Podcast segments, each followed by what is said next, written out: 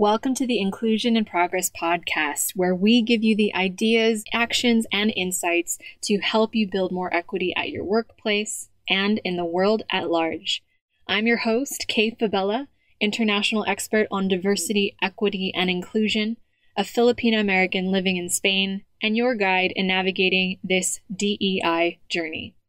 Having worked with teams at companies such as Philips, the IMF, Red Hat, PepsiCo, and more, I know firsthand that the work of inclusion only works when everyone has a seat at the table.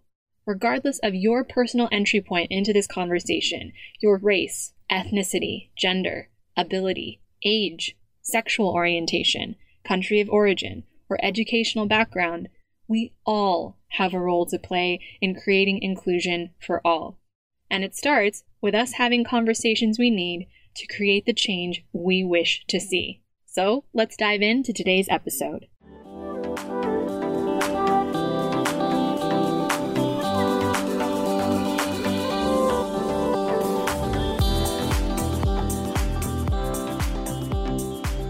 Hey, hey, and welcome back to the show. So, we are now closing in on the final month of 2021.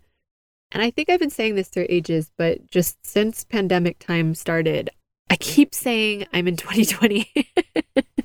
or I keep feeling like it's one long year. And clearly, as we round out 2021 and move into 2022, I I don't know if I need to train myself out of saying that or if other folks are going through similar things. When I say we've been in this pandemic for almost two years, it's kind of like, what? it's a lot. It's a lot to process. So if you're feeling the same way, I'm with you, I'm feeling you, but I'm also probably aligned with you in wanting to just wrap up this year and get some downtime in if possible and play catch up really with everything that we've lived through over the last year, year and a half, 2 years depending on when the pandemic landed where you were. So, whatever your plans are for the holidays as we come up on the close of the year, I wish you a very smooth end of the year and a restful holiday season with your loved ones. So, if you haven't already, just another quick plug for our website, which I'm so proud of. I'm just really excited to see the hard work that's gone into it. I know the hard work that's gone into it, which started as an idea two years ago to move away from my personal brand, is now a fully functioning website. And more importantly, I get to highlight the amazing folks on the team who have been working with me for quite some time now. And if you haven't already, we also released our newest 2021 white paper on the future of work culture. And that's packed with our insights on how remote work, how demographic and cultural shifts, as well as, of course, all of our work around distributed teams, hybrid workforces, fully remote workforces will affect your workplace in the future. And we've taken everything that we've learned over the last year, year and a half, really trying to wrap our heads around all the different changes that we've seen through our work with client partners, through collaborators from around the globe, including our own team, which now, as you know, spans APAC, EMEA, and the Americas, and tried to distill it into something that we really genuinely hope would be useful for you with our observations, with our predictions, and of course, our recommendations for where DEI or diversity, equity, and inclusion will need to evolve next year, given how many changes we've lived through. It's our genuine hope that this resource is useful for you and your teams as you start reflecting on what you'd like to do for DEI, wherever it is that you are in the world listening to this, whatever state of remote or hybrid work that you're in, and apply these learnings that we've put together for your own organization.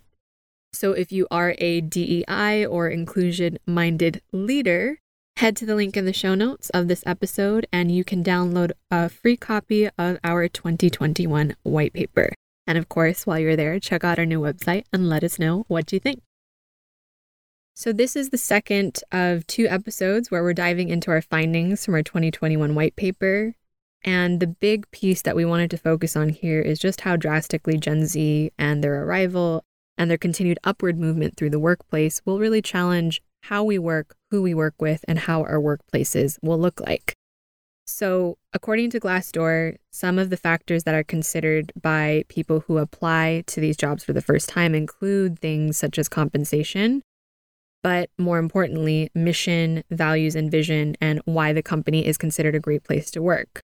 So, this is incredibly important for Gen Z. They long not just for the ability to move upward in their career, because they are also one of the most educated generations that we've seen, but more importantly, they want to know that they are aligning with a company that sees them, that recognizes their abilities and their talent, that honors the different nuances of their own identities as they occupy many.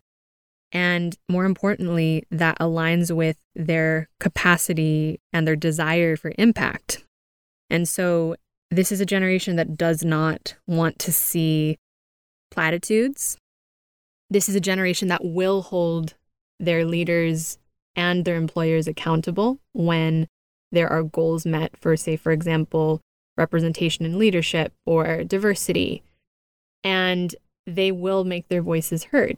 And that's something that is not only really critical for those of us who have come up in a workplace that required us to navigate different layers and maybe saying this thing to one person and maybe having to bite our tongues because we had respect for somebody's maybe seniority or their title.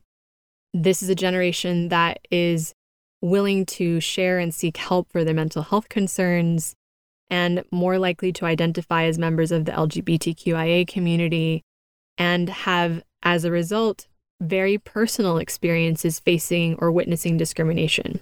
So they have very high expectations of their future employers for DEI beyond our single issue approaches in many organizations around things such as racial or ethnic identity. In fact, in a June 2021 survey, 88% of Gen Zers agreed that it was important for recruiters or potential employers to ask candidates about their preferred gender pronouns during a job interview. And they will also choose an employer based on visible representation of women and people of color in leadership roles. So, this is an incredibly important piece for us to dive into today, not only because we have witnessed this ourselves in our client work over the last year, year and a half, but also because we have a member of Gen Z on our team. And that has brought with it a very unique viewpoint, not just somebody who is speaking about Gen Z through a white paper, through theory, but really through listening and learning from lived experiences from someone on our team. And so, with that in mind, one of the things that we wanted to dive into today is really how Gen Z will affect the future of work culture as a generation that is also multicultural and multi hyphenate in their identities which is why employers will have to think very critically about how they consider the nuances of identity, the expectations that are changing for this generation, as well as how to navigate the multi generational workforce that is Gen Z alongside millennials, alongside Gen Xers, alongside baby boomers in the workforce. So, without further ado, let's go ahead and dive into our reflections about Gen Z in the workplace and share a little bit more from our 2021 white paper with you. So, the first key reflection that surprised us and really we wanted to highlight in our white paper was how Gen Z is entering the workforce without really expecting to stay. So, a big part of this is the fact that demographically, this generation spans many different worldviews and cultures. Many of them are, if not globally mobile, globally minded. So they have a strong commitment to social justice and initiatives with social impact. They're also surprisingly more likely to prefer a hybrid work environment, meaning even though they're very digitally savvy and prefer the work flexibility and the ability to work from home, they also want to be able to network with their colleagues physically while also having access to flexible working. They care about working for an ethical boss and whether or not that boss or manager aligns with their values and gives them the ability to not just determine their own work life balance, but also offers very clear opportunities for their own career progression. They also support causes that they care about, and they are more likely to prioritize a meaningful career over high compensation. Plus, another huge thing is that Gen Zers are more open to career pathways outside of traditional corporations. When you have things like YouTube, TikTok, Twitch, again, all things that my team members are educating me on. so many of these tech organizations that are trying to target digital savvy Gen Zers to join their ranks will have to work harder to retain them as a result. Whereas just a few years ago, an offer from a tech company pre pandemic was considered something of a golden ticket because of higher salaries and office culture and benefits, you know, the proverbial beanbag chairs and the fresh fruit and all the cool snaz and pizzazz perks. Gen Zers seem to actually be put off by negative perceptions of the tech industry especially growing concern about DEI issues, ethics of certain practices within the tech world, including some very high profile ones that have happened over the last couple of years. Now, 72% of older Gen Zers actually want to start their own business, according to recent polls this year, but they also believe that lifelong learning is vital to that goal. So, one of the things that we found in many of our climate surveys for tech organizations and other client partners is that those who came from younger generations, and even those who didn't, across the board, cared deeply about whether or not their organization was giving them the sense that they were being invested in, that their ability to engage in their own lifelong learning, to move their career and their professional goals forward was being supported by their organization. In fact, the senior director of LinkedIn Learning said that Gen Z, if they don't feel invested in, they will leave, which is why it's important to invest in your employees to not just give them a clear career path, but also encourage a culture of learning that offers not just Gen Z, but those at different stages of the organization, as more of us are now no longer working physically in the same environment, to give us the opportunity to feel like we're connected to not just an organizational mission, but also the ability to make an impact and move our own personal and professional career goals forward.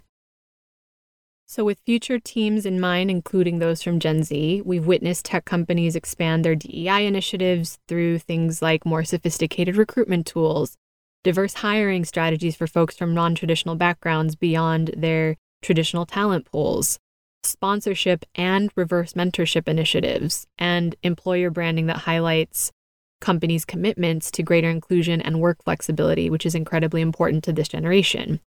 Many of the organizations we've talked to are realizing the power of coupling not just their recruitment efforts with technology, but also with very specific cultural strategies that are focused on employee experience and talent retention, allowing tech companies to work towards the desired diversity on their teams.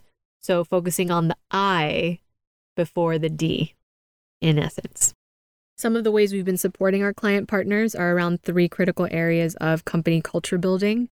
The first is identifying barriers to psychological safety. So we'll analyze the data of existing employees across diverse identities to discover opportunities for greater employee connectivity and engagement and this, of course, is not just historically excluded groups across race and gender, but also non obvious identities such as neurodiversity, sexual orientation, geographic location, or even native language, and how that can affect your sense of psychological safety in the workplace. Because a lot of these same identity groups actually mirror the ones that Gen Z currently occupies. And once we gathered that employee data, we evaluate it alongside the experiences of middle management and senior leadership to pinpoint opportunities for improvement. The second thing that we look at is how do we encourage buy in for inclusion? Now, as we've found, even as a multicultural team ourselves, DEI definitions will change depending on where you are in the world, what your cultural context is, and what your worldview is. So, utilizing the data that we've gathered, we design culturally relevant spaces for courageous conversation with the goal to positively impact the organization as a whole.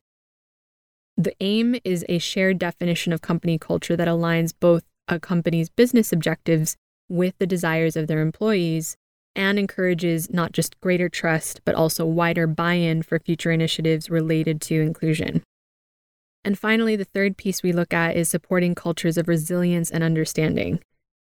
We've already talked about just with Gen Z's arrival, teams now span more generations. locations, lived experiences, and cultures than ever before. So, of course, it's easy to feel overwhelmed. There are so many different potential barriers to understanding on our teams now. And then on top of that, we don't physically see each other anymore. And as a fully remote team ourselves, we have learned to embrace nuance and humility in pursuit of consensus because it's important to find new ways to respond to challenges and look at the reasons that across difference we are able to find to work together. So we believe in modeling not how to avoid conflict or have the right inclusive language framework or vocabulary, but rather focusing on empowering leaders and teams and employees to embrace compassionate collision. So, a culture that fosters sustained innovation and growth will require not just collaboration, but also learning how to navigate collision in a way that encourages resilience, that encourages understanding at the end of the day. So, these are the three key pieces that we've seen and supported client partners around so that organizations are able to foster the inclusive environments that will allow them not to just retain their current people, but also recruit future members of folks from Gen Z and beyond. Now, the second point that we saw in our white paper around Gen Z is the importance of learning and development, or creating cultures of learning that will encourage employees to stay. Now, a big piece, as we all learned from working at home during the pandemic, introverts and extroverts and everyone in between, learned that our teams actually need each other physically to get certain things done. Now, intact teams rarely engaged with others outside of their division, their department, or their job function, which of course meant that we had less opportunities for the so called water cooler talk, the casual run ins in the hallway of, hey, wait, I had something to share with you that I think would be really important, which of course is the cross pollination, the opportunities for innovation that come through those informal pieces of trust building and networking that are critical to tech companies and those of us who need to create organizations that will need to leverage innovation and best ideas from our people moving forward. Now, when we surveyed employees about what they'd like to see more of in their workplace, the most common responses by far were cross departmental training, cross pollination, mentorship from leaderships in other divisions, etc. So, the conclusion, of course, that we got from that is that aside from their immediate teams, professionals actually want greater transparency on job functions. And this is not just from Gen Z, these are from folks who are already in the workplace.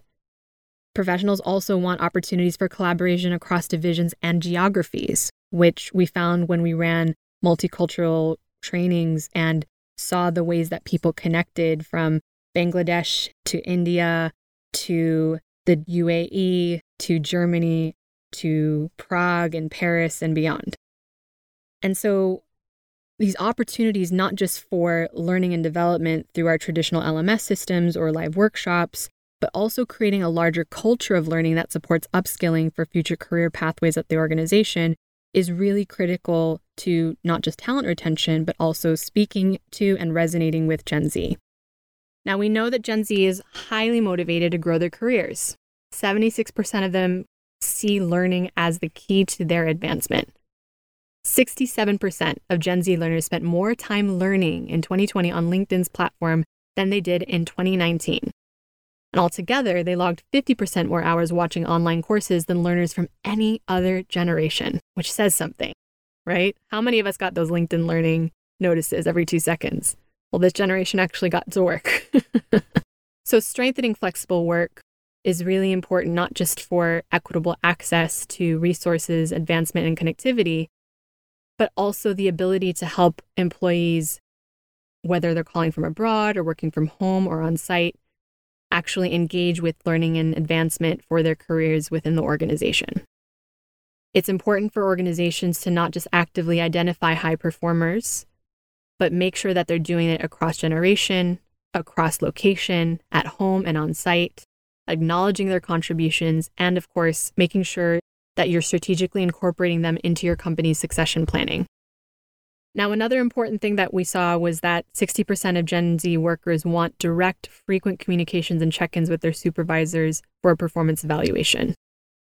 And this is something that we saw not just within our own surveys, but also from speaking to members of current teams that weren't just from Gen Z. So we can confidently say that the trend towards more frequent communications, for wanting more engagements with managers and more opportunities to learn about their performance and their ability to take feedback and engage with their job title and their role is a critical component not just for Gen Z, but also for current members of your teams today.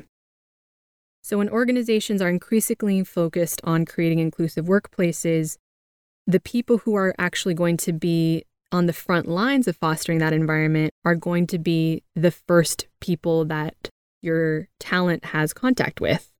And for Gen Z, that's their first manager. For those of us who are maybe further up in the organization, that's your direct line manager or your boss or your boss's boss. And so we're seeing this critical movement towards organizations giving managers more autonomy to build moments for their team, to engage with each other, to learn from each other, and to set the schedule for how they develop and train and create succession plans for the members of their team. So it's critical to build our managers' capacity as not just learning advocates, but also champions for a culture that encourages growth, that encourages continued learning. One where people are not just encouraged to learn from their mistakes, but also to celebrate their achievements, to celebrate their milestones, and to consistently share ideas and feedback with one another. This is going to be especially critical for those of us navigating some stage of remote work because we'll need to be able to identify managers who are either advancing people on their teams to further their careers within the organizations, as well as managers that are not necessarily identifying the people who are more likely to be highest performers because they're not necessarily looking at it through the lens of working through a hybrid environment or working in a remote environment. Now, at Inclusion in Progress, one of the things that we realized is we needed to partner with remote managers directly to adapt their performance management systems for distributed teams, to create effective virtual work practices and protocols tailored to their teams, as well as help train managers on how to foster psychological safety on their distributed teams, which will then allow them to identify who their high performers were and create that culture that allowed their team members to feel that they were not just engaged with their work, but also were rewarded for going above and beyond in whatever way, shape, or form that looked like for them. Now, again, we dove into more of these specific recommendations and all of the stats around Gen Z and how the workforce is changing to inform your team, to inform your organization, the best way to promote inclusion and therefore increase talent retention for your organization moving forward within our 2021 white paper. So if you haven't already downloaded that, please go to our website, inclusioninprogress.com, or head to the link in the show notes to download a copy.